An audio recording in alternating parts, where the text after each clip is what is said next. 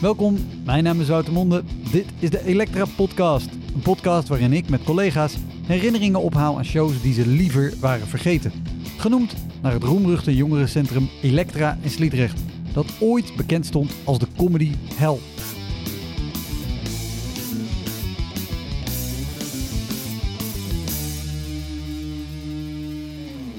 Deze keer te gast in Elektra Podcast Stefano Keizers, cabaretier.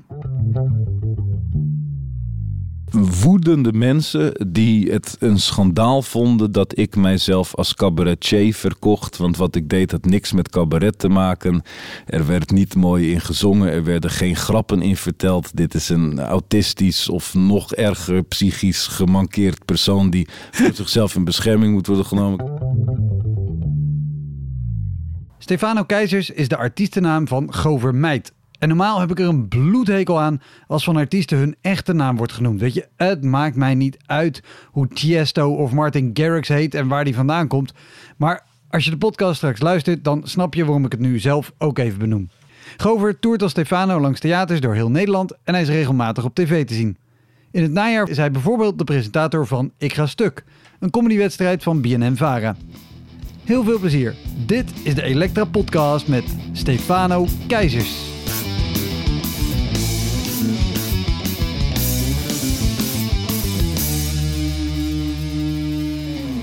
Ik ben heel benieuwd met, met wat ik van jou van je shows weet, die natuurlijk lekker ontregelend zijn. Versta jij onder een slecht optreden hetzelfde als andere cabaretiers? Daar ben ik ook heel nieuwsgierig. ik vind mezelf wel echt een autoriteit op het gebied van slecht optreden. dus ik ben heel dankbaar dat je me uitnodigt.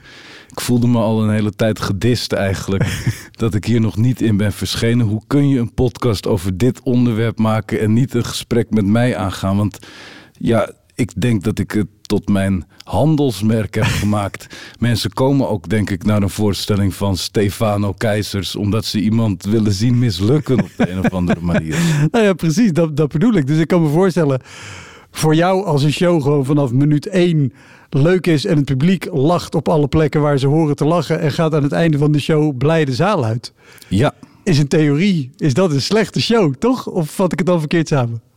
Ik ben zelf vaker depressief na afloop van een voorstelling die heel erg veel applaus en vrolijkheid oplevert, dan als het echt mislukt. Als iets echt mislukt, dan zit er ook altijd juist wel een energie in me dat ik denk: oké, we hebben wel beet. Er is wel iets gebeurd vanavond. Maar er zitten ook gradaties in. Ik heb best wel ervaringen gehad op het podium die ook voor mij zo pijnlijk en zo gênant waren dat ik me afvroeg of ik ooit nog wel op het podium uh, moest gaan staan.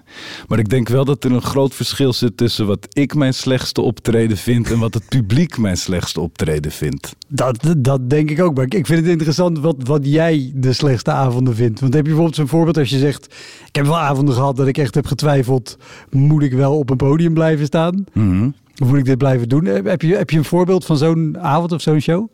Ja, ik, ik wil het over een paar verschillende voorbeelden gaan hebben vandaag. Maar het leek me eigenlijk mooi om te beginnen met het verhaal dat er echt letterlijk toe geleid heeft dat ik de artiestennaam Stefano Keizers heb aangenomen. Dat, dat is uiteindelijk terug te herleiden naar een heel erg slecht optreden. Ja, ga, ga ik je heel even onderbreken, want ik denk dat er sommige mensen luisteren en die denken: oh ja, dat klopt, we weten dat een artiestennaam is. Ja. Maar ook mensen denken: hè, wat? Jij bent toch Stefano Keizers? Wat in principe natuurlijk ook zo is. Ik, ik ben het meer dan dat de anderen het zijn. Maar ik ben het ook eigenlijk helemaal niet. Want het is niet mijn echte naam. Het is een artiestennaam. Een artiestennaam die ik heb verzonnen. Omdat ik... Uh, eigenlijk even niet wilde dat mijn ouders in de zaal zouden zitten. Want, nou ja, toen jij uh, mij vroeg voor deze podcast, toen ging ik even ja, nadenken over ja, wat zijn nou echt nog podiumervaringen die mij tot op de dag van vandaag een hele bittere nasmaak geven. en um, nou, er is één optreden en dat, dat is gewoon, het is heel dubbel, want ik ben ook heel trots op dat optreden, omdat het een anekdote is geworden. En mij ook echt op het juiste spoor heeft gebracht. Mhm. En het is ook iets waar ik... Misschien heb ik hier ooit al een keer wel iets over verteld, maar ik, ik weet het gewoon niet meer. Niet aan mij. In elk geval niet aan jou en, en, en sowieso niet, eh, niet heel uitgebreid. Maar nou, eh, de tijd vlak voor Stefano Keizers was voor mij...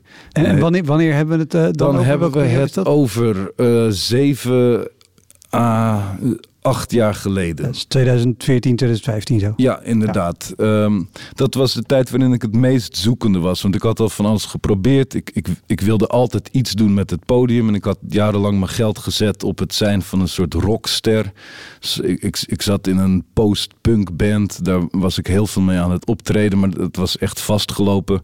En ik was een nieuw project begonnen, een solo project. Sowieso binnen de muziek ook niet de stroming om per se heel groot en rijk mee te worden. Nee, en ja, of ik bedoel, ja, dat klopt. Eh, maar ja, daar was ik iets te laat achter gekomen. Ik dacht van, er zijn ongetwijfeld ook in de kelders in Vinkenveen wel van die label managers uit Amerika die langskomen en me daar oppikken. Maar dat gebeurde maar nooit.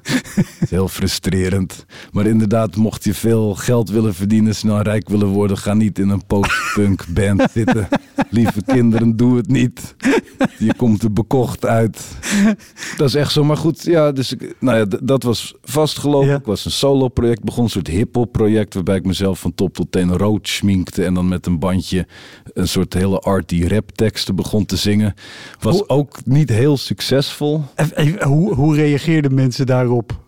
Ja, als er mensen naar keken, als er al mensen in de zaal zaten, dan, dan konden ze er inderdaad weinig mee. Dus met, met die act op een bepaald moment, ik zocht dus erg een podium, een, een plek om, om op te kunnen blijven treden. En, en dat was de act die Mhm. ik toen had. Eh, dus omdat er geen enkel ander podium was dat ik kon vinden, was ik op een bepaald moment in travestietenclub Club Church beland. En daar trad ik dan elke donderdagavond op met, met die act. Meidje heette dat. M-E-T-J-E. M-E-I-T-J-E, sorry.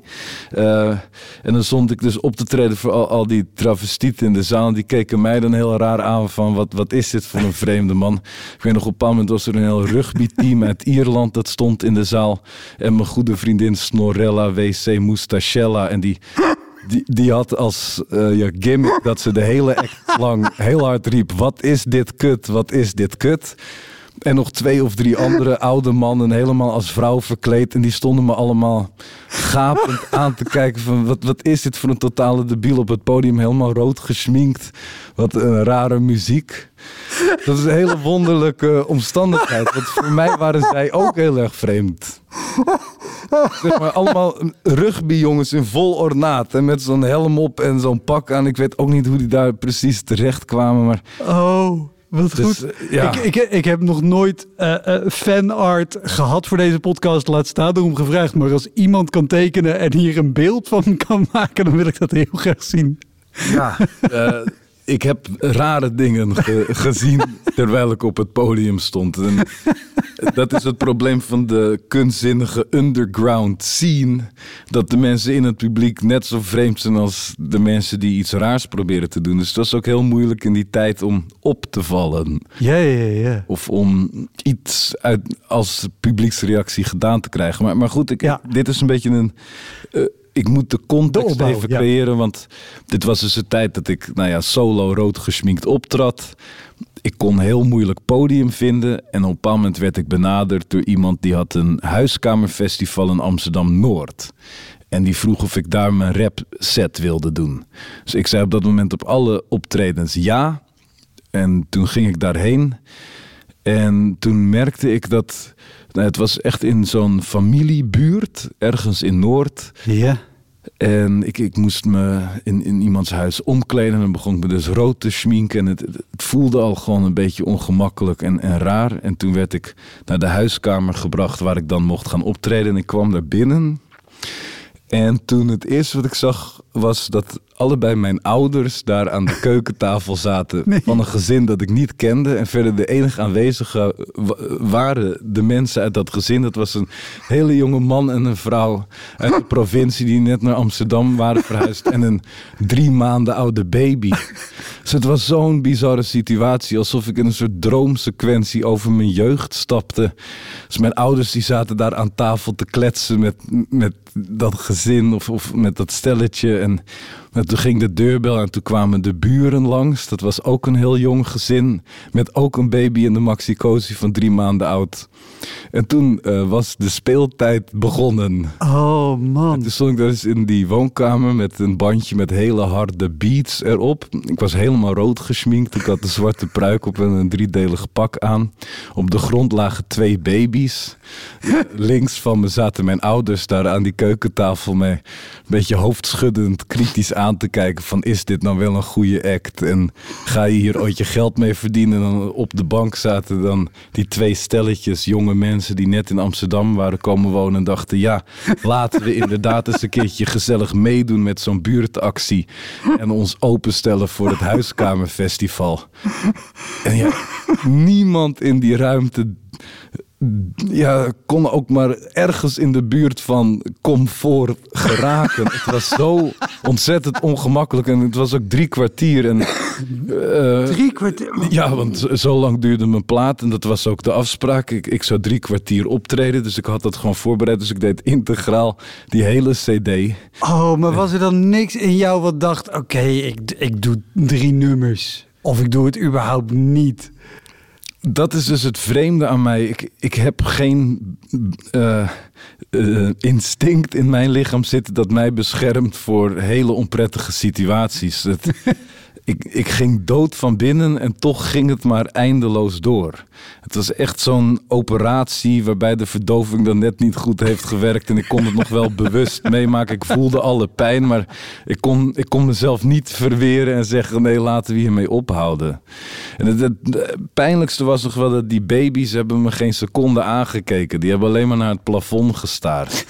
die, die waren niet eens aan het huilen. Terwijl ja, al die, het waren van die hele duistere nummers. Ik was half depressief. eh, met hele vreemde beats en gekke stemmetjes. En weet ik wat, hele arty shit aan het maken. en het paste daar zo erg niet. En het was ook. Alles kwam daar samen, want mijn ouders zijn super supportief geweest altijd. En die hebben dus altijd gezegd van ja, als jij optreedt, dan komen we langs, jongen. eh, want dan zorgen we dat, dat er in elk geval iemand is Ja, hartstikke lief. dat is het ook. Alleen, ja, ik had zo erg graag gewild dat zij daar niet bij waren geweest. Dat ze niet getuigen waren geweest. En we- we- weet je nog wat hun, hun reactie was? Of wat het...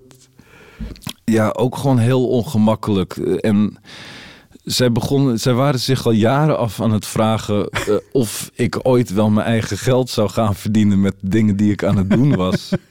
Ik bleef maar zeggen van nee, geef me nog een kans. Wacht dan nog maar heel eventjes. Ik heb echt bijna de formule klaar.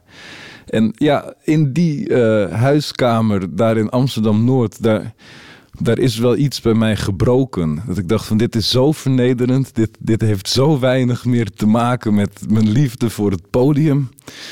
Eh, ik, ik ben nu eigenlijk mensen echt alleen nog maar aan het kwellen.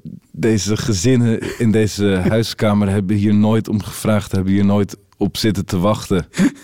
ik heb voor iedereen, inclusief mezelf, een hele onprettige wereld gecreëerd. En toen dacht ik, ik moet hier echt iets aan gaan doen. Ja. En dat heeft me er en ehm, ja, extra in laten bewegen om te kijken van hoe kan ik toch commerciëler gaan worden binnen mijn vakgebied. En het heeft me direct de motivatie gegeven om de eerstvolgende keer dat ik weer iets zou gaan doen, dat onder een artiestennaam uit te brengen, zodat ik zeker wist dat mijn ouders niet direct in de zaal zouden zitten. Oh, wat goed.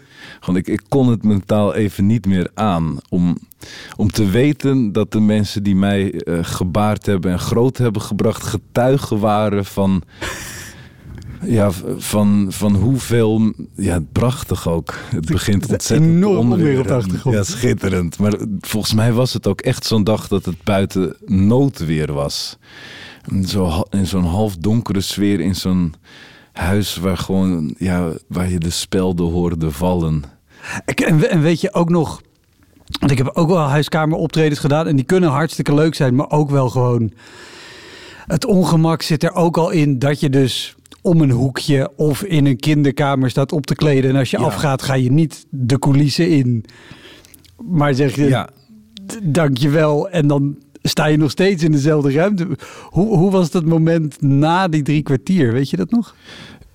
net als veel trauma's heb ik een heel groot gedeelte van deze situatie echt diep weggestopt eh, in mijn geheugen. Ik, ik ben die hele dag vooral bezig geweest met het zo snel mogelijk vergeten. En dat lukt niet echt. Het, ehm, ja, niemand wist hoe hierop te reageren. En het was ook dus compleet onduidelijk of, die, of het publiek mij dankbaar moest zijn dat ik voor hen had opgetreden. Of dat ik het publiek dankbaar moest zijn dat ze niet weg waren gelopen en in die kamer waren blijven zitten. En eh, ik, ik voelde me gewoon totaal niet meer. eh, ja, toerekeningsvatbaar. Als in, voor die mensen was ik een rood geschminkte jongen die heel erg autistisch eh, daar ja, zonder enig respect of inzicht voor het publiek zijn drie kwartier durende kunstzinnige rap-act aan het doen was. En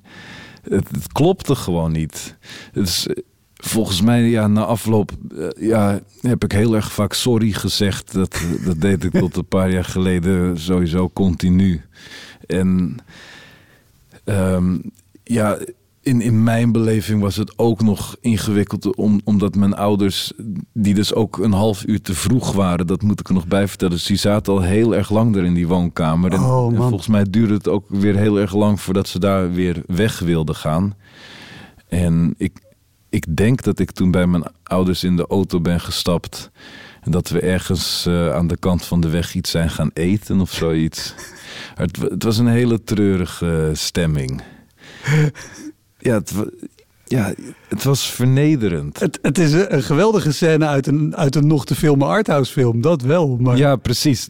En dat is dus het, het moeilijke hieraan. Want ik, ik zie het ook echt als een hele humoristische scène. En ik moet ook zeggen dat vanaf het moment dat ik met de naam Stefano Keizers op ging treden, ging ik ook wel ja, dat soort ongemak af en toe expres opzoeken. Maar het, verschil is tussen iets gecontroleerd doen of iets jezelf laten overkomen. En dat, dat tweede is heel erg naar en dat eerste kan heel erg prettig zijn. Want Ja. ik, ik ben later ook juist heel erg gaan houden van die huiskamerfestivals. En juist van die setting van er is een soort gek in je huis en wat doe je ermee. Ik, ik nog een keer in, ik, ik heb een keer opgetreden in een Leids studentenhuis. En toen deed ik een act met niet echt een duidelijk einde. Dus al zingende eh, verliet ik het huis en liep ik de deur uit. En al die studenten dachten, oh, dit hoort erbij. Dus die bleven achter me aanlopen. En ik ging steeds sneller lopen, omdat ik dacht, ik moet ze kwijt zien te raken. Zij gingen steeds harder rennen om mij te blijven volgen. En ik bleef zingen. Zoals een soort rattenvanger van Hamelen door een of andere straat in Leiden liep zo'n hele groep studenten zo achter me aan. Tot op een bepaald moment ben ik ergens in de bosjes gesprongen. Ik dacht, dan ben ik in elk geval kwijt. En toen gingen ze er allemaal omheen staan en applaudisseren. Dus toen gingen er nog meer mensen omheen staan om te kijken van, hé, hey, wat gebeurt hier? ja, dat, dat vond ik een hele vette situatie. Ja, ja. Kijk wat er allemaal kan gebeuren. En ik vind het heel prettig als mensen inderdaad van mij weten dat dat alles kan gebeuren. Want dan gaat hun fantasie ook aan. En dan komen ze vaak op nog veel vreemdere dingen dan ik zelf kan bedenken. ja, ja. ja. En, en dan, dan is het andersom. Maar dan heb ik het gevoel dat ik iemand een plezier doe met de rare situatie. Maar het, het, het gaat gewoon heel erg over dat. Ik wilde altijd op het podium staan. Maar op het moment dat ik er niemand een plezier mee doe, wat voor recht heb ik dan om dat podium op te eisen? En, en Ja. dat werd daar in die kamer in Amsterdam Noord mij heel erg duidelijk van: ja, als, als dit is wat ik doe met mijn leven, heb ik dan wel een recht om mij podiumartiest te noemen. Ja. En heeft ehm, de, de optredens waar, waar het in de podcast over gaat, weet je, de slechte plekken of de Ja. jeugdcentra waar weinig mensen komen of weet ik wat. Die geven heel veel mensen een voordeel later, omdat je met allerlei omstandigheden om kan gaan. Zeker. Je hebt alle rare shit al meegemaakt. Heeft het jou geholpen bij, bij wat jij nu doet als Stefano Keizers? Eh, helpt het dan dat je dus al dat hele voortraject hebt gehad van punkconcerten op plekken waar misschien weinig mensen zijn. Of dus in een zaal met travestieten en een Iers eh, voetbalteam Ja, rood gesminkt staan. Natuurlijk helpt dat. Het is ook. Je moet een dieptepunt hebben in je leven om, om je ergens tegen af te kunnen zetten, om de put uit te kunnen springen. En ik kan mijn dieptepunten wat dat betreft heel erg visueel maken en heel erg tegen mezelf zeggen: ja, ja die situatie, daar wil ik nooit meer in terechtkomen. Dus ik, ik moet iets gaan verzinnen om mij daar tegen af te kunnen zetten. En het helpt ook ontzettend om te merken wat, wat, wat mijn lichaam, wat mijn geest doet in een situatie die voor mij heel ongemakkelijk wordt. Dus ja, het zijn ontzettende clichés dat, dat het helpt om meters te maken. Maar het is wel echt zo dat ehm, de, de, de lat van hoe erg mis het kan gaan, die wordt steeds meer opgehoogd. Dus ik, ik weet nu gewoon dat wat er ook gebeurt tijdens het optreden, ik zal het nooit meer zo extreem uit de hand kunnen laten lopen als aan het begin. Want ik heb gewoon te veel trucjes, te veel middelen nu om de situatie nog enigszins om te kunnen buigen. En ik moet ook wel zeggen dat.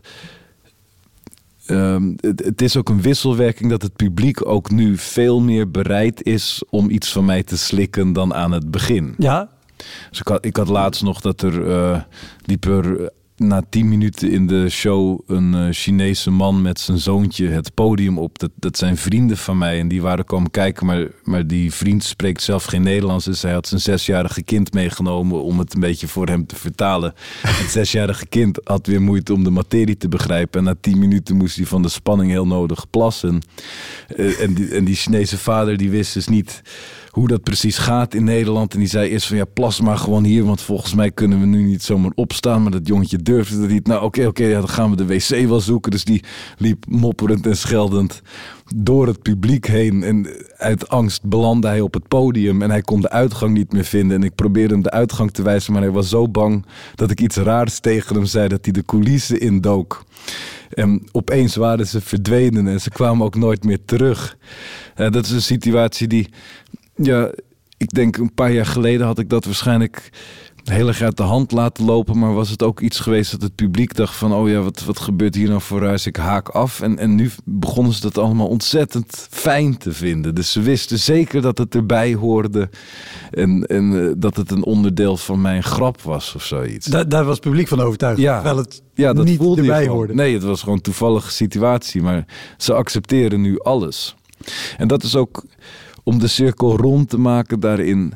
ehm, wat, wat, als je me nu vraagt wat is een onprettige eh, podiumervaring voor mij, dan denk ik inderdaad eerder aan optredens waarin ik het gevoel heb dat het echt niet meer uitmaakt wat ik doe. En dat het publiek het toch wel leuk vindt. Want dan ga ik me heel snel wel een soort hoer voelen. de, de, de, de reden is dat Hans Theeuwen volgens mij ooit gestopt is met optreden. Ja, dus mijn huidige voorstelling heet ook Hans Theo. En dat, dat is Ja. echt niet zonder reden. Dus vorige week speelde ik in Boksmeer. Dat is echt een warm bad. Dat is het al jaren. De mensen in Boksmeer hebben me vanaf het begin van de Stefano Keizers periode omarmd. Maar dat, voor mijn gevoel slaat het op een bepaald moment ook echt wel een beetje door. Dat, ehm, ik vond dat ik in Boksmeer eigenlijk helemaal niet goed speelde. Maar, maar het leek soms alsof de mensen al, al aan het lachen en aan het omarmen waren... nog voordat ik mijn punt had gemaakt of iets dergelijks. En ik, ik kom er dan Die binnen... dachten en- waarschijnlijk ook, dat hoort erbij. ja, Dit is het onderdeel is- van de het show. gewoon dat, eh, ja, iedereen wil er met me op de foto en wil me even een knuffel geven. En ik, ik heb echt het idee dat het ze meer gaat over even aan, aan mijn lichaam zitten. Of, of mij anderhalf uur in een strakke legging kunnen bekijken. da- Dan dat het ze gaat over wat ik inhoudelijk te vertellen heb. Ja. En ja, dat is echt eh, ja, tegenovergestelde van wat ik in die kamer, eh, die huiskamer in Noord, zeven à acht jaar geleden eh, beleefd heb. En dat is heel verwarrend, omdat ja, ik, ik heb denk ik heel lang heel erg gehunkerd naar het publiek dat mij zou omarmen. Of dat ik gezien zou worden en begrepen zou worden voor wat ik deed. Mhm. En dat heb ik extreem veel meer teruggekregen dan dat ik ooit had verwacht in mijn leven. Ik, ik, ik ben echt omarmd. Ik heb het, het podium aangeboden gekregen. Mensen zijn bereid om me een kans te geven en naar me te kijken en er iets uit te halen. Dus ik, ja, ik, ben extreem verwend als theatermaker. Maar dat, dat slaat dus op een moment zo ver door dat, dat het wederom voelt alsof ik niet meer gezien of begrepen word. Omdat ik soms dus denk, ja, mensen luisteren niet meer naar, naar wat ik zeg op het podium. Maar ze zijn alleen nog maar eh, aan, aan mij aan het laten zien dat ze me heel erg omarmen. Ja, zo ja. Zou, Ja, ik ben erg. eh, al, ja, I, I always find something wrong. Is van eh, Kanye West. Oh, Oké. ik, ik, ik, ik neem het van je aan. Ja. Nou, ik weet wie Kanye West is uiteraard. Maar ik ben wel benieuwd, als je... vroeger stond je natuurlijk, als je zelf in dat bandje eh, eh, en, en, en als rapper... ja. tot je, tot je de artiestennaam aannam. Je zegt, nou, ik vind het ook fijn om het ongemakkelijk te laten worden... en te kijken tot waar ik het kan controleren. Is dan niet een volgende stap juist dat je het zonder artiestennaam eh, doet... en dat je het wel... Want dan hou je toch nog een laag bescherming weg, zeg maar. Helemaal mee eens. Het, het wordt voor mij echt tijd om die lage bescherming weg te halen. Ik ben daar nu ook inmiddels wel weer aan toe. Dus het is ook grappig. Eh, ik heb al deze tijd een snor gedragen. En het is, ja, ik denk een jaar of tien geleden dacht, had ik opeens gezichtsbeharing. Dus toen dacht ik, dan ga ik het ervan nemen. Ook dan neem ik een snor. En toen zei een andere, een, een vriendin van me, toevallig ook afkomstig uit China. Ik heb heel veel wijsheid uit China altijd mogen halen. En dat is weer dankzij de kunstacademie, want daar zaten mensen van over de hele wereld. Dus er, kwam veel nieuwe wijsheid op me af. En, en deze Chinese vriendin, die zei tegen me toen ze me zag met de snor van ja, ehm, je hebt nu een soort masker opgezet. Toen dacht ik, ja, misschien heb je wel gelijk. Ik heb nu, ik, ik verschuil me achter iets, ook al is het maar een paar centimeter groot. Ehm, ik verander mijn eigen voorkomen, dus ik begin grip te krijgen of controle te krijgen op hoe ik mezelf presenteer. Toen dacht ik, hier, hier moet ik iets mee met deze wijsheid. En toen ik mezelf in de publieke ruimte ging plaatsen. Toen ik met Stefano op televisie kwam en, en dus steeds meer een, een soort ehm, ja, eh, publieke entiteit werd. Hoe meer ik dacht van ja, zolang ik deze snor draag, zit er nog een veilige muur tussen eh, mij en de fakeheid van de, de mediawereld. En ik denk dus ook, ja, dat ik eh, zo, zodra ik even kan de snor afscheren en dan ben ik ook weer even een ander mens. Ja. Dus ik moet nog tot en met maart 2023 de voorstelling Hans Theeuwens spelen. Dus tot en met dat moment ben ik nog Stefano Keizers. En, en daarna wil ik ook weer echt even mezelf zijn. Dat, dat voel ik heel sterk. En ehm, ja, het was denk ik heel leerzaam en ook onvermijdelijk om zo'n soort masker op te gaan zetten. Want ik, ik moest mezelf op de een of andere manier iets meer kaderen om begrepen te worden. En nu voel ik dus dat ik heel erg begrepen ben eh, geworden. Mhm. En dat het soms aan het doorslaan is naar een acceptatie waar mensen niet meer over nadenken. Dus ehm, ja, wordt het nu wel echt tijd om, eh, ja, om, om nog meer eh, ja, de waarheid te gaan brengen, denk ik. Ja. En denk je, of, nee, niet denk je. eh, raakt het jou als persoon minder als je als Stefano een slechte show hebt?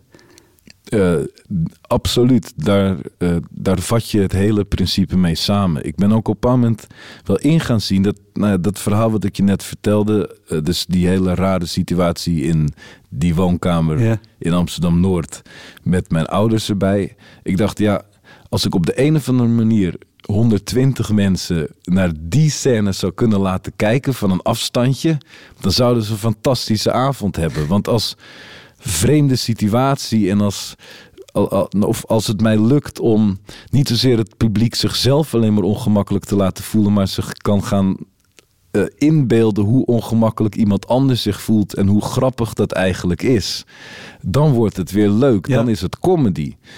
Eh, dus ja, ik ben met Stefano eh, en, met de, de, de theaterdingen die ik met hem heb geprobeerd te maken, altijd bezig geweest met hoe kan ik nou het publiek inderdaad niet zozeer laten lachen om een grap, maar om het besef van waar ben ik nou in hemelsnaam in terechtgekomen? Of hoe zielig moet dit zijn voor iemand die geen idee heeft wie hij is en wat hij maakt? Dus het, eigenlijk de lolligste avonden zijn de avonden dat de helft van het publiek is meegesleurd, heeft nog nooit van me gehoord, eh, of kijkt geen televisie of is er toevallig terechtgekomen. En, en, en de andere helft is juist heel erg op de hoogte van hoeveel ik ervan hou om het publiek een gekke avond te bezorgen. En ondertussen gaat alle dit soort dingen. Dit bedoel ik dus. Ja, precies. Dan hangen je sensoren en het licht slo- sloeg uit. Zo stil zitten we. Ja. Oh, wat goed. Lange verhalen. Maar, maar ja, dat, dat- om, om, om heel even nog dat, dat dingetje af te maken. Ja. Anders blijft het zo hangen. Maar dan, eh, dan heb je dus... Ja, dan, dan, kunnen, dan kunnen beide partijen eigenlijk heel erg lachen en zich verbazen om hoe de andere helft van de zaal totaal niet weet waar ze in terecht zijn gekomen. Nee. Als je het hebt over mensen die niet weten waar ze in terecht zijn gekomen, heb jij cabaret en zo gedaan? Of je hebt ongetwijfeld ook previews gedaan, dat je zo'n avond hebt aan het begin van het seizoen dat het theater ja, laat zien wat er inderdaad, van die voorspelavonden. ehm, komt. Want dan heb je mensen in de zaal die niet bewust een kaartje hebben gekozen en denken, nou, we nemen de gok met, Ja. met deze jongen die we misschien met de slimste mensen hebben gezien. Nergens zo'n negatief publiek meegemaakt als tijdens voorspelavonden. Dat is ook het enige wat ik ooit heb kunnen onderhandelen met mijn impresariaat. Is dat na een, een keer of tien proberen heb ik gezegd van ja, volgens mij moet je me echt, echt, echt niet meer op voorspelavonden boeken. Ik, eh, dat kost ons eerder kaarten dan dat het me iets oplevert. Geloof me nou maar. En toen hadden ze inderdaad ook zo'n enorme lijst klachten binnengekregen van theaters en mensen uit het publiek. Dat, dat, dat ook het impresariaat zei van nee oké, eh, we gaan je er niet meer voor boeken. En tot op de dag van vandaag doe ik dat dus ook niet meer. Want En nu hoeft het ook niet meer, denk ik. nee, ge- gelukkig niet. Het, het, het, het publiek weet me over het algemeen wel te vinden en heeft zichzelf ook gefilterd. Maar ehm, ja, mensen die, die niet weten wat ik maak, daar geen context in hebben, niet vrijwillig ervoor hebben gekozen om in de zaal te gaan zitten, die vinden het altijd verschrikkelijk wat ik doe. en zo, ik heb twee keer in mijn leven in België opgetreden. Ja. Met mijn eerste avondvullende show en met mijn tweede. Eén keer in Geel en één keer in, ik denk, hoe heette die andere plek nou ook alweer? Dat was ook een hele random plek. Eh, en beide keren liep het publiek binnen 10 minuten weg. Wat, dus ik sta ervan te kijken, omdat geel, eh, want dat is, neem ik aan, CC de Werft in geel geweest. Ja, inderdaad. de- de- naast dat- dat... gesticht is dat. Dat ook nog eens. Ja. Eh, maar Ja. dat is een plek waar heel veel comedy is geweest. Waar ze ook Ja. lang een international comedy festival hadden. Ja, Zou je denken, als er nou toch ergens een publiek is wat, wat wel wat gewend is. En wat mhm. het geduld zou moeten hebben om even te kijken. Oké, wa- waar zitten we nu naar te kijken? Dan zou het daar zijn. Maar, dat werd mij ook zo verteld. Ik had ook altijd het idee dat ik in België veel meer tot mijn recht zou komen dan hier in Nederland. Ik weet niet waarom, dat leek me gewoon stoer om te denken en te zeggen. Maar ja, dat, het blijkt gewoon dat als er niet een context is, als, als, als mensen niet weten waar ze naar gaan kijken, dan is wat ik doe ja, moeilijk te slikken. De mensen in geel riepen ook letterlijk naar me terwijl ze de zaal uitliepen van ja, ik dacht dat ik naar een avondje comedy zou gaan kijken. Ik heb hier gewoon geen geduld voor jongen. Ga, ga dit artistieke gedoe gewoon lekker eh, thuis doen. En er bleven een, stuk of 10, 15 mensen zitten, inclusief de programmeur. Die vonden het allemaal hartstikke interessant en fascinerend. En overigens, eh, een programmeur die je denk ik een groot plezier doet als je hem opnames stuurt van je post-punk bent. Want het is een groot punkliefhebber. Oh, oké. Nou ja. Ja, maar dit geheel terzijde. Nee, goed om te weten, want eh, ja, ik sta nog steeds bij hem in het krijt, inderdaad. Mensen hadden gewoon meer zin om dan gewoon fijn op de donderdagavond een eh pilsje te drinken, dan om eh, ja, hun geduld op de proef te laten zien. Ja, ja, ja. En dit, dit, dit riepen mensen gewoon terwijl ze de zaal uitliepen. Je Ja. zei ook al, er kwamen heel veel klachten binnen. Weet je, weet je nog dingen die er, die er gemaild werden uit het impresariaat? Woedende mensen die het een schandaal vonden dat ik mijzelf als cabaretier verkocht. Want wat ik deed had niks met cabaret te maken.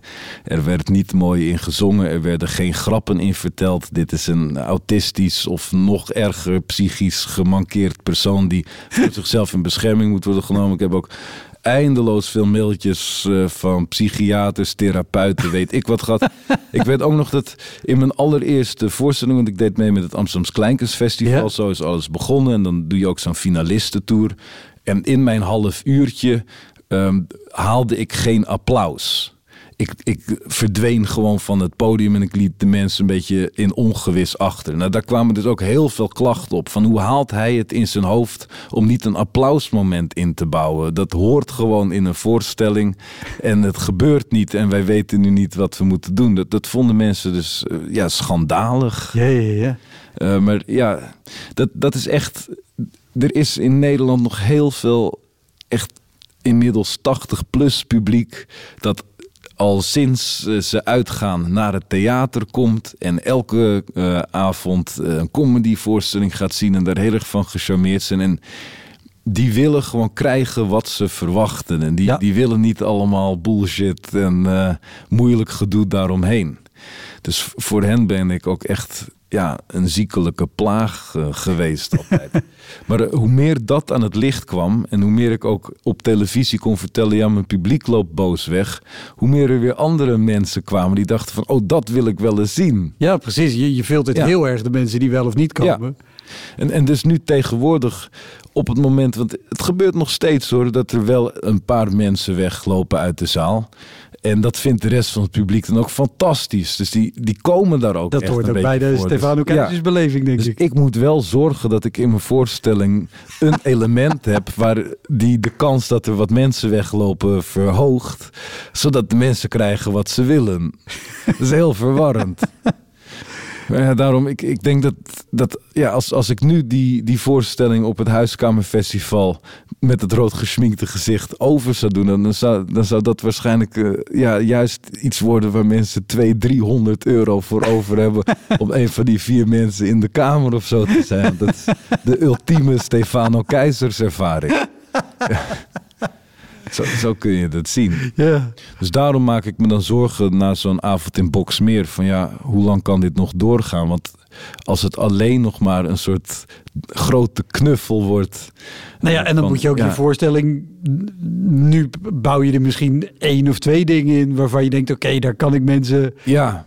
Mee, mee kwijtraken. Dan, dan wordt dat het doel van de voorstelling. Wat, wat me ook niet jouw intrinsieke motivatie nee, lijkt om een voorstelling te maken. Dan wordt het een hele eendimensionale grap. Maar, maar dat is ook het probleem. Dat ik, ik probeer nu echt met grof geschut te komen om het de mensen zwaar te, te maken. En ze zijn extreem uh, goed bestand tegen alles wat ik probeer. Dus ik, ik zit al, al lang in de situatie dat het publiek veel meer slikt dan wat ik vind dat gezond is.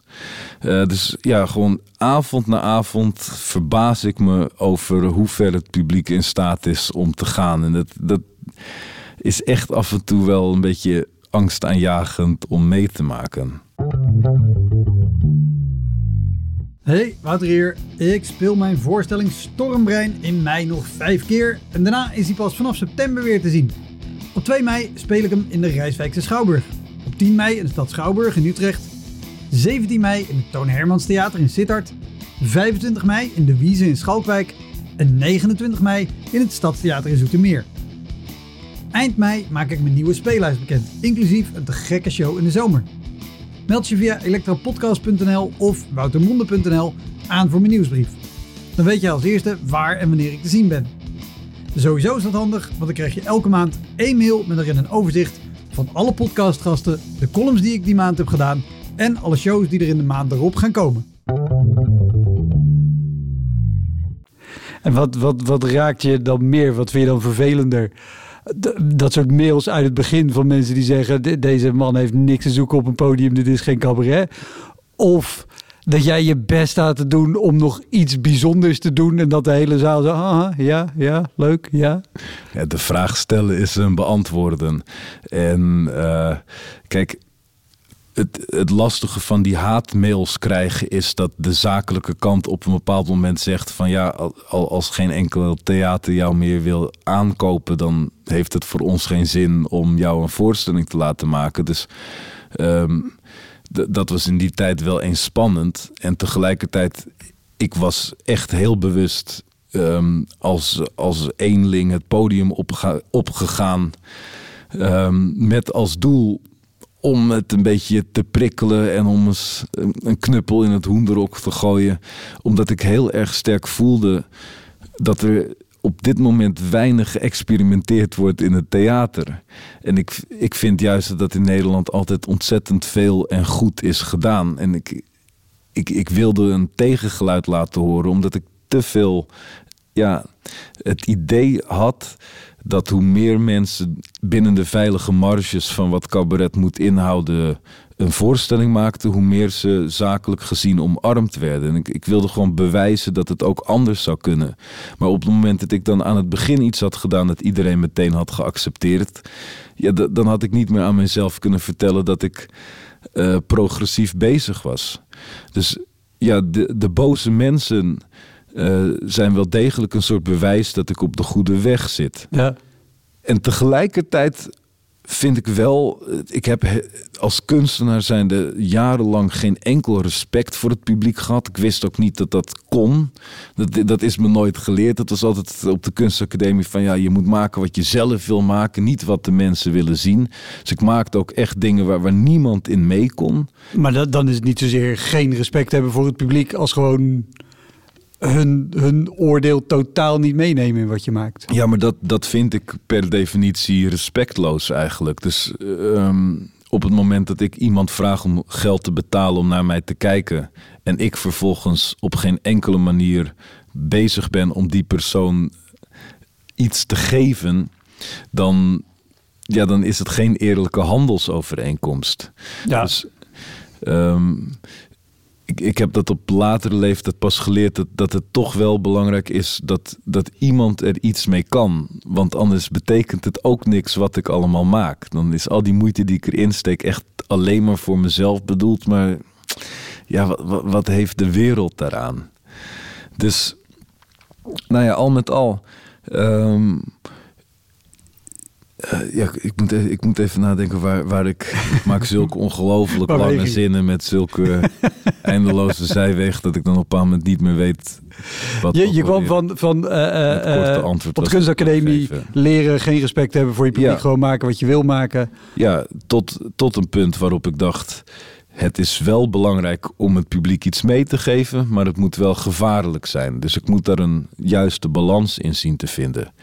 En op het moment dat ik merkte dat er heel veel negatieve reacties kwamen, was wel op een bepaald moment bij mij de twijfel weer gegroeid van hey, heb ik wel het recht om deze voorstelling te maken of hebben de mensen eigenlijk gelijk? Uh, is misschien wat ik maak inderdaad te slecht om op het podium te brengen? Dus vervolgens ben ik die twijfel gaan uiten en heb ik gezegd: ja, al mijn publiek loopt weg en ze worden heel boos op wat ik maak. En toen gebeurde er gelukkig waar ik op hoopte dat, dat er dus andere mensen waren die daar de humor van in begonnen te zien. En dat ik ook dacht van ja, er, er is wat mij betreft niets dat dichter bij comedy komt dan, dan iemand die extreem op zijn bek gaat. Dat is ook het, het ultieme clown zijn. Wat eh, de soort hele pure comedyvorm. Een clown is iemand die, die zie je zichzelf de hele tijd kastijden. En uh, voor lul laten zetten. En, en dat is uiteindelijk niet iets anders dan wat we nu op het podium als cabaretiers doen. Dus ja, ik, ik begon wel in te zien dat, dat ik vooral mensen blij kan maken en kan laten lachen door, door ze mee te nemen in hoe zeer ik in staat ben om te mislukken of om dingen uh, ja, tot, tot één grote pijnlijke gebeurtenis te vormen. Ja. Ik, ik, ik, moet nog het beeld verwerken. Ik vind het heel grappig dat je het vergelijkt met een clown. Maar als je nou hebt over uh, uh, toegankelijke dingen of juist doen wat mensen verwachten, is een clown natuurlijk de ultieme vorm daarvan. Want, ja. want die heeft de pruik en de schoenen en de schmink en de bloem waar water uitkomt. Ja. Dat aan de ene kant en jij aan de andere kant maar dat ook als clown neerzetten, daar zit, daar zit zoveel tussen. Dus ik vind het een hele grappige, Nou ja, grappige tegenstelling. Terwijl ik, ik snap de... eh, de- gewoon de, de pure clown die is heel erg in opsmuk geraakt. Die is op dit moment uit de mode. Dus als ik mezelf echt zou verkleden als clown, dan zou dat niet eens meer een grappige metagrap zijn. Dat zou gewoon pijnlijk gênant zijn. Of dat, dan denken mensen meteen van, oh, dit is iemand die gaat proberen leuk te doen. Dan haken ze af. Maar ik vind mezelf wel, wel degelijk echt een clown. En ik heb misschien geen clownschoenen aan, maar ik heb wel altijd een rare outfit aan op het podium. En, Je ik, hebt de snor. en die snor is, is inderdaad ook dus een masker. Ja. Net zoals dat een clown dat is. Dus ik, ik word er een, ja, een beetje vreemder mannetje van dan, dan wie ik misschien in het dagelijks leven ben. Dat zou kunnen. Het, het gaat gewoon. Ja, ik, ik moet mensen op de een of andere manier afleiden van dat ze kijken naar een clown. Want ik, ik denk wel degelijk dat iedereen nog steeds instinctief van clowns houdt. Maar we willen het niet meer weten. Dus, dus we moet, ik, ik moet het een beetje stiekem doen. Ja. Wat is, hele andere kant op, wat, wat is Ja, het grootste aantal mensen wat, wat er ooit bij jou is weggelopen? Nou, ik, ik denk dat die zalen in, eh, in België daar wel eh, ja, eh, heel dichtbij in de buurt komen, omdat het daar zo massaal was. Hebben we het dan over, over 10 man? Hebben we het over 100 man? Ja, dan, dan was het een volle zaal, want mensen komen wel heel trouw. Als er iets geboekt wordt, komen ze naar het eh, theater daartoe in België. Eh, dus dat, dat zijn zeker 200 mensen geweest die daar zijn weggelopen. Ja, minstens. en kijk, op festivals en dergelijke ben ik wel eens als, als doorstroomlocatie gebruikt. Maar dan is het heel moeilijk om te tellen. Maar er, zijn wel eens optredens waar je gewoon ja, mensen gewoon voorbij ziet lopen de hele Maar, tijd. maar, maar even hoe? Hoe, hoe? hoe boekt iemand cabaret in wat voor vorm dan ook als doorstroomlocatie? Nee, nou, dat is dan niet bedoeld als door Oké, oké. locatie, maar als mensen op een festivalterrein zijn en ze hebben dus een algemeen kaartje gekocht, dan lopen ze een tent in om te kijken wat er gebeurt. en als hetgeen wat in die tent speelt hen niet bevalt, lopen ze er weer uit. Ja, oké. Ik, ik dacht dat je bedoelt dat, dat het echt zo gepland was. Ik kan me niet voorstellen dat je daar ja op gezegd zou hebben. Nou, kijk, en ik denk toch ook wel dat ik dat iedereen die wil eh, beginnen met dit vak, dat ik dat toch wel moet adviseren. Dat eh, het eh, in, in zekere zin verstandig is om altijd ja te zeggen op alle optredens die worden aangeboden. Ook al weet je soms al van tevoren, voel je in je onderbuik dat het verschrikkelijk wordt. Ik denk toch dat het uiteindelijk een betere artiest van ons maakt. Om ook de moeilijke optredens te doen. Dus de, de eerste paar jaar dat ik als one-man show met Stefano optrad, deed ik alles wat voorbij kwam. Dus ook nog een keer bij twee hele chique dames ergens in het bos, in het midden van het land, in, in de Belt. Die, daar mocht ik ook vooral niet schelden. En het is ook ja, echt in een soort blokhutje met allemaal hele deftige dames. Dat is ook heel erg naar. En daar moest ik dan ook van tevoren ging op voorgesprek komen. Dat, dat duurde dan vier en een half uur. En dan gingen ze me de hele geschiedenis van het pand vertellen. En een rondleiding door het bos en zo geven. En dat ik ook inderdaad me nu afvraag van ja, waar, waar deed ik dat allemaal voor? Maar uiteindelijk, ook dat soort gewoon hele vreemde ervaringen. Comedy festivals waar je gewoon totaal niet op je plek of op je gemak voelt. En, en bij, die, bij die dames, dat was het zo'n lang voorgesprek om, om, omdat je er maatwerk deed? Of gewoon omdat zij de hele geschiedenis Ja, dat real-time met je door tot- wilde nemen? Tot op heden onduidelijk. Ik, ik doe altijd maatwerk. Als in, eh, ja, ik probeer altijd eh, je sfeer te verpesten. Eh, maakt niet uit hoe gezellig het ergens is. Maar ik denk dat... ja, ik weet niet of, of jij er ervaring mee hebt, maar er zijn best veel eenzame mensen in dit land. En er zijn ook minstens net zoveel mensen die extreem veel tijd hebben. Ze, ja, je hebt door het hele land heen culturele vrijwilligers die de hele dag thuis zitten en denken: Weet je wat, we gaan een festival oprichten. Of we gaan een of andere theateravond eens in de drie maanden doen. Want dan kunnen we een brochure printen. En dan kan ik die ene jurk aan of dat ene, uh, het ene sieraad dragen. Maar ook met het idee van ja, en dan kunnen we dus ook een hele middag lang met zo'n uh, jonge knul lekker gaan kletsen. Ja, wie weet kunnen we zijn bovenbeen aanraken en op en neer bewegen. Of uh, op en neer wrijven, zoals Ali B dat deed. Ja, maar ja, kijk, dit, het is natuurlijk ook... Ik ben in een zekere zin een, een gigolo of iets dergelijks. Of ja, mensen betalen mij dan waarschijnlijk ergens fysiek... en dan kunnen ze genieten van mijn kunstje. Dus ja. Ik, ja, in die zin is het sowieso altijd maatwerk. En heeft het ook een heel groot fysiek aspect. En wat, wat zijn nog andere shows waar je in ieder geval in het begin ja op hebt gezegd... waar je misschien nu geen ja meer op zou zeggen? Mm, dat, is meer op, dat is meer op televisiegebied gebeurd, denk ik, dan, dan in het theater. Omdat in het theater is het heel erg dubbel. Want alle slechte ervaringen zijn ook hele goede ervaringen geweest. Maar um, ja, nou, nou ja, of, of, of pak een, of een tv-ervaring waarvan je nu zou zeggen dat dat ga ik niet meer doen. Dat is... Nou, waar, waar ik echt wel van heb geleerd is dat ik in den beginnen best wel eens te vaak ja heb gezegd op talkshows. Want wat ik me toen niet realiseerde is dat talkshows moeten elke avond een programma vullen. En dan gebeurt het vaak dat er een onderwerp in wordt gefietst. Dat, dat er maar in wordt gefietst om nog iets luchtigs te hebben mm. of iets grappigs. En ja, ik, ik ben één keer ergens opkomen draven omdat ze hadden gebeld en ze vroegen: eh, heb je iets met Eddie Murphy? En toen had ik gezegd: ja, Eddie Murphy, daar ben ik de allergrootste fan van. ik dacht: ja, ik wil natuurlijk heel graag op televisie. Precies. Ik had wel eens een film van Eddie Murphy gezien, maar daar bleef het ook bij. Ze zeiden ze: oh, wat top, nou oké. En ja, toen dat, dat vond ik in eerste instantie grappig, maar in de praktijk bleek dat ik dus wel tien minuten lang met twee andere hele grote Eddie Murphy fans daar inhoudelijk moest gaan praten over Eddie Murphy. En ik dacht, ja, hoe lul ik me hier nu weer uit?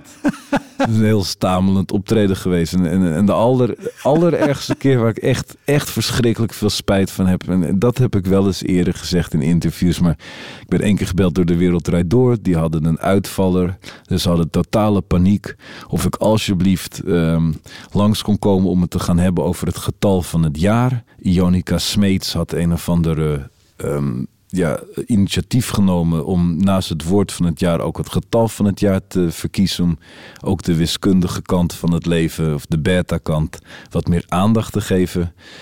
Uh, maar dat was uh, op de dag dat mijn uh, toenmalige vriendin jarig was. En we stonden op het punt om met haar familie te gaan eten. En op de een of andere manier was ik op dat moment zo extreem bezig met mezelf en met mijn werk.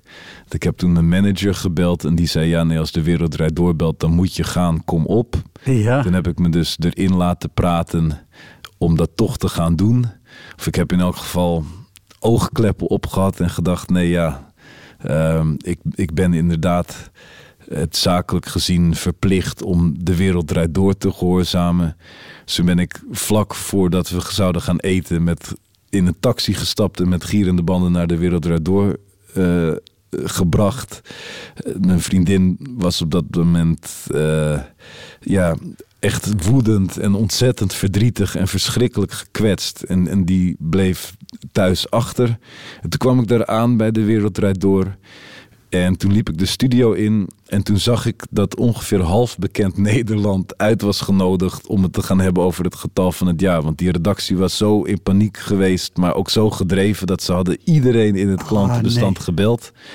Dus uiteindelijk, ik ben nog geen vijf seconden in beeld geweest, die hele uitzending. Dus het was ook nog eens voor niks. Oh, wat zonde. Maar achteraf denk ik ook al, had ik daar een prachtig optreden gedaan. Ik, ik ben daar echt de grens tussen werk en privé kwijtgeraakt. Ik, ik heb er ontzettend veel spijt van. En, en die relatie is ook uitgegaan. Ik weet zeker dat ook uh, deze gebeurtenis daaraan heeft bijgedragen. En ik, ja, ik schaam me echt voor hoe ontzettend ik um, gemanipuleerd kon worden of gechanteerd kon worden door televisieredacties. En ik, ik hoop echt dat dat niet meer gebeurt.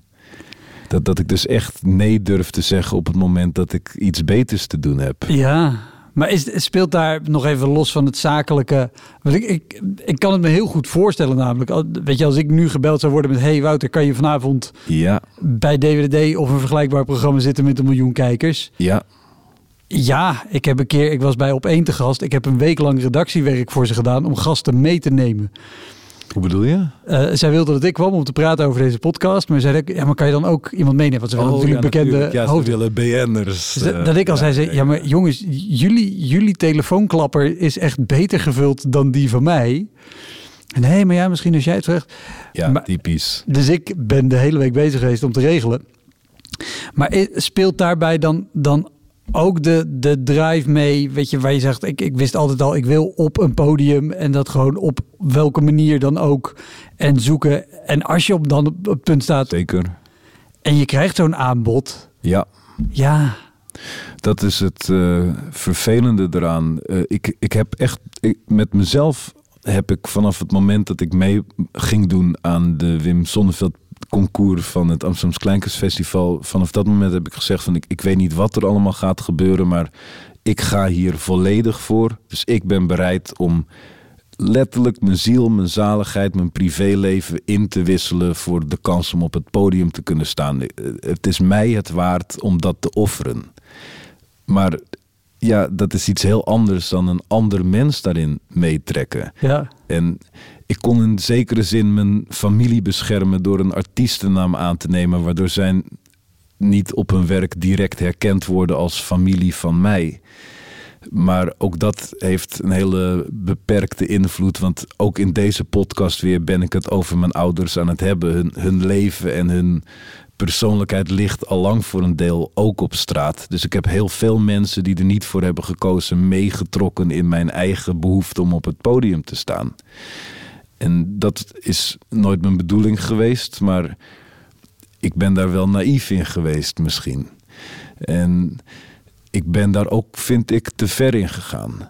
Want ik denk niet, kijk, echt letterlijk toen de wereld door belde die dag, toen was ik ervan overtuigd dat als ik nee zou zeggen, dat ze me daarna nooit meer zouden gaan bellen. ja, Dus ik, ik voelde me verplicht om het te doen. Ook omdat ik wist, er komt binnenkort een programma, Experimensen heette dat, aan. Er, er kwam een programma aan dat ik had gepresenteerd. En daarvoor wilde ik heel graag bij de Wereld Eruit Door gaan zitten om daar promotie voor te maken. Dus ik dacht, als ik hen nu dit plezier doe, dan is de kans groter dat ze me strakjes ook daar laten precies. spreken. Ja, Ehm, en ja, uiteindelijk, eh, dat is het pijnlijke. Ik, ik was wel eerder een keer bij de Wereld Door geweest om het over dat programma te hebben. Maar toen de nood het hoogst was, ehm, toen hebben ze me niet meer gevraagd.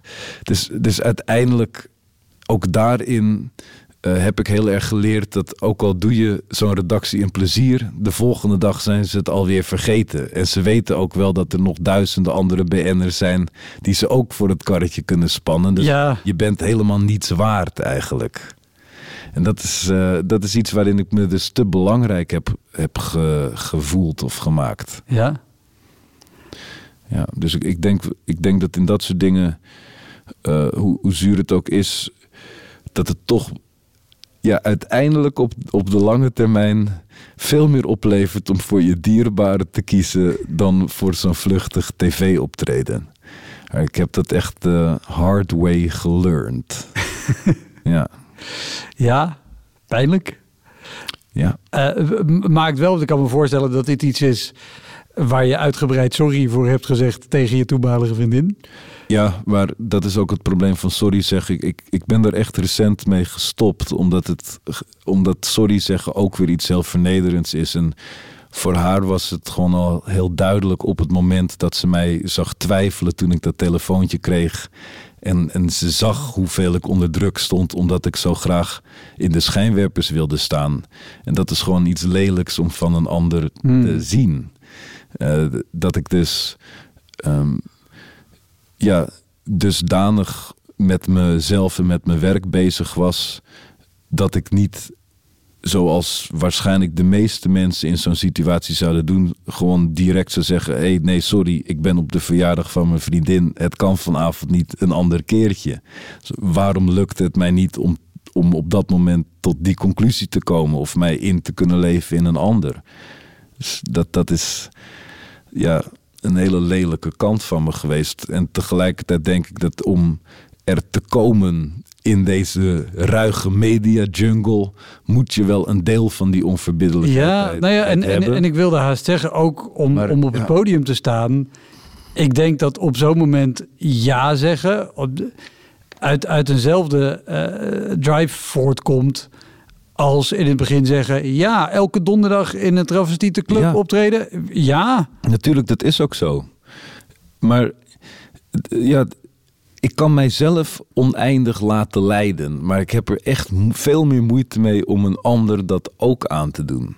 En ja, daarin zit een duivels dilemma. En ik denk dat ik wel heb geleerd dat zo'n optreden bij de wereld draait door, hoeveel ik op dat moment ook de urgentie daarvan voelde, dat dat niet per se de dingen zijn waar ik echt ja op had moeten zeggen om tot hier te komen. Eh, ik, ik denk dat er programma's zijn die uiteindelijk veel nuttiger voor me zijn geweest. En waarbij het ja zeggen ook veel meer vanzelf ging. Ehm, maar die optredens in de travestietenbar, daar eh, ben ik heel blij mee dat ik daar ja op heb gezegd. Want dat, dat heeft me echt een professionelere artiest gemaakt. Het heeft me ook humor gegeven. Het heeft me laten zien hoe verscheiden deze wereld kan zijn. Maar ik denk ook dat ja, hoe moeilijker het publiek ooit in je leven is geweest, hoe meer alle andere optredens daarna als een verademing voelen. En dat speelt gewoon heel erg lekker. Ik, ik weet gewoon hoe zwaar het kan zijn. En daar krijg ik nu altijd energie van. ja. Dus daarvoor zou ik zeggen, hoe, ook al voelt het soms verschrikkelijk om te doen. En ik heb mezelf ook echt vaak vervloekt dat ik ja zei op optredens waar ik me totaal niet op mijn gemak voelde. weer gaat het licht uit. Maar, maar, ik- maar ik zou wel zeggen, doe dat vooral. Ja, absoluut. Ik, ik heb nog één ding waar ik, waar ik je naar wil vragen, zeker in deze context. Loop jij nog een rondje voor de, voor de lichtsensors? Eh, want wat ik eh, gelijk al dacht, en, en ik ben het er helemaal eens hoor, met, zeker voor iemand die begint, ja, doe dit. Ik heb ook ooit, en ik weet niet meer of het nou Wim Helzen is geweest in Vlaanderen of Nigel Williams, maar ooit in een interview van gelezen, zeg in het begin van je carrière op zoveel mogelijk dingen ja, en daarna op zoveel mogelijk dingen nee. Ja, En dat is alleen al bijvoorbeeld om dus die privé-werkbalans ja. veilig en, te en houden. ook om jezelf niet uit te koken. Want op een bepaald moment wordt het heel erg lelijk. Er wordt al over mij heel vaak gezegd van... oh, die zie ik overal. Die komt overal weer, weer in terecht. En, en, en ja, het moet natuurlijk wel een prettig iets blijven voor mensen... om de artiest weer te kunnen zien. Dus het, het moet En- en ik denk te ook veel worden. Qua integriteit, dat het ook duidelijk is dat je daar bent omdat je iets te brengen hebt. En niet omdat ze hebben gebeld. hey, we hebben nu de geometrische figuur van het Ja. jaar. Wat kan je Ja. vertellen over driehoeken? Inderdaad. Eh, nee, maar waar ik nog wel aan dacht, al in het begin toen je vertelde over die shows eh, in, in die travestietenbar, dat ik dacht, als je dat soort dingen hebt gedaan, is er wat je daarna doet, valt ook allemaal volgens mij in het niet, omdat jij in je hoofd hebt, ja, maar jullie vinden dit misschien raar. Je moest dus weten wat ik al gedaan heb. En ik keek van de week toevallig nog eh, jouw, jouw bijdrage terug van de roast van Hans Klok. Waar je eh, naakt begint met, met eigenlijk een tirade voor slash tegen jezelf. Klopt. Wat, eh, en ik heb hem destijds niet gezien, omdat ik de roast deze aflevering. Ik heb betere gezien. Eh, dus, ik, dus ik was al weggeschakeld. Ik dacht nu, ik ben toch heel benieuwd wat jij er hebt gedaan. Ik vond hem heel erg tof. Maar ik weet ook, als je het hebt over lastig publiek. Het publiek wat bij een roast zit, is geen makkelijke zaal. Inderdaad. Hoe, hoe was het om, om dat ding daar te doen? Want je staat daar tien minuten gewoon letterlijk poedelnaakt met alleen een riem, omdat je een zender hebt voor je microfoon. Ja, dat, Is er dan ook bij jou eh, niet vijf seconden voordat je opgaat een gedachte in je hoofd dat je denkt, holy fuck, wat heb ik nu weer bedacht? Eerder het omgekeerde. Dat was een van de hoogtepunten in mijn leven op het gebied van me krachtig voelen. Ik voelde me zo in controle over die situatie. En ik voelde zo sterk dat, ehm, ja, dat de grap aan mijn zijde zat. En ehm, nou, ja, dat in een zekere zin is dat ook ehm, een soort cirkel die rond werd gemaakt voor mij. Dat ik van tevoren wist dat het publiek niet zozeer zou gaan lachen en, niet zozeer zou weten wat ze met mij aan moesten. En ehm, dat was in plaats van iets dat me angst inboezemde of me tegenhield om een verhaal te doen, maakte dat uiteindelijk het verhaal voor mij persoonlijk krachtiger. Dus ik, ik, was, ik, ik probeerde hen daar ook een beetje de, de waarheid te vertellen. En dat er een stilte voor terugkwam. Of, of dat mensen steeds meer op een stoel gingen schuiven. Of gingen lachen om, om dingen omdat ze niet precies wisten eh, wat hen overkwam. Dat, dat maakte mij daarin juist sterker dan zwakker, vond ik. Ja. En, en, en ja. ehm, het, het is mooi hoe, hoe ik. eh, ja, hoe, hoe ik nu dus steeds. Of ja, mooi, ja, ik weet het niet. Het, ik, ik denk dat ik dus af en toe juist nu me extra blij voel wanneer er geen reactie terugkomt uit de zaal. Of wanneer ik echt merk dat, dat mensen even niet meer weten wat ze met me aan moeten. Dus voor mij was die roast, die roast een, een heel sterk moment. Maar wat het wel was, is dat ze hadden best weinig comedians uitgenodigd om te roosten. En meer rare types. Ja. Daar viel ik dan ook heel erg eh, binnen. Maar ik heb natuurlijk wel heel veel op het podium gespeeld de afgelopen jaren. Dus ik ben wel warm gedraaid. En ik had wel meer gehoopt dat het echt een strijd zou worden. waarin er op het scherpst van de snede humor gemaakt werd. En, en dat viel wel een beetje tegen. Dus ik dacht ook wel van ja, ik, ik had echt zin om een gevecht aan te gaan of om een avond op het scherpst van de snede te functioneren. En daar merkte ik ook wel dat, ja, eh, de- eh, veel meer dan dat ik daar naakt eh, op een stoel ging zitten, zou er niet gaan gebeuren eigenlijk. ja. Nee, eh, eh, helaas niet. Ja. Dus, eh, helaas dat, dat er niet meer dan dat Ja, nee, gebeurde. op zich, ja, eh, we hebben best veel comedians in Nederland en je ziet ze weinig tegen elkaar strijden. Mhm. En Ja, ik, ik zou dat wel wat meer willen meemaken. Of, of ook gewoon dat we een keer die krachten wat meer bundelen. En dat, eh, ja, dat gebeurt weinig. Ja, ik kom ook niet zoveel comedians tegen. Dus er zijn wat mij betreft te weinig samenwerkingsprojecten. Nou, ik zou Maar, maar zeggen... dit, dit is dus een heel La- goed initiatief. Ja, ik, ik wil wel zeggen, la- laten we stoppen met opnemen en plannen gaan maken. Dat is hartstikke leuk. Oké. ja, graag. Top man. Dankjewel. Dank jou ook wel. Het is eh, enorm eh, ja, verademing dat ik dit allemaal eindelijk een keer kwijt kon. Het enige wat ik nog wil zeggen is dat, eh, ondanks dat we dit natuurlijk heel graag eh, voor ons plezier doen, dat het wel belangrijk is dat ook zo'n mooi initiatief als een podcast natuurlijk financieel enigszins ondersteund moet worden. Dus vind je dit nou leuk? Ga dan naar Patreon en daar vind je alle informatie hoe je vriend kan worden van dit programma. en eh, daar zitten allemaal hele leuke extraatjes eh, bij en aan vast. Dus schroom niet om dat te doen en dan kunnen we dit nog heel erg lang maken. Dat zou toch top zijn. Fantastische reclameboodschap. Dankjewel. Eh, heb je een Patreon? Het is een petje af, maar dat oh, maakt niet uit. pardon, pet je af. Dat was hem, de Elektra Podcast. Meer informatie over mijn gast van vandaag en linkjes naar van alles en nog wat vind je in de omschrijving van deze aflevering. Er staan ongelooflijk veel afleveringen online van Elektra.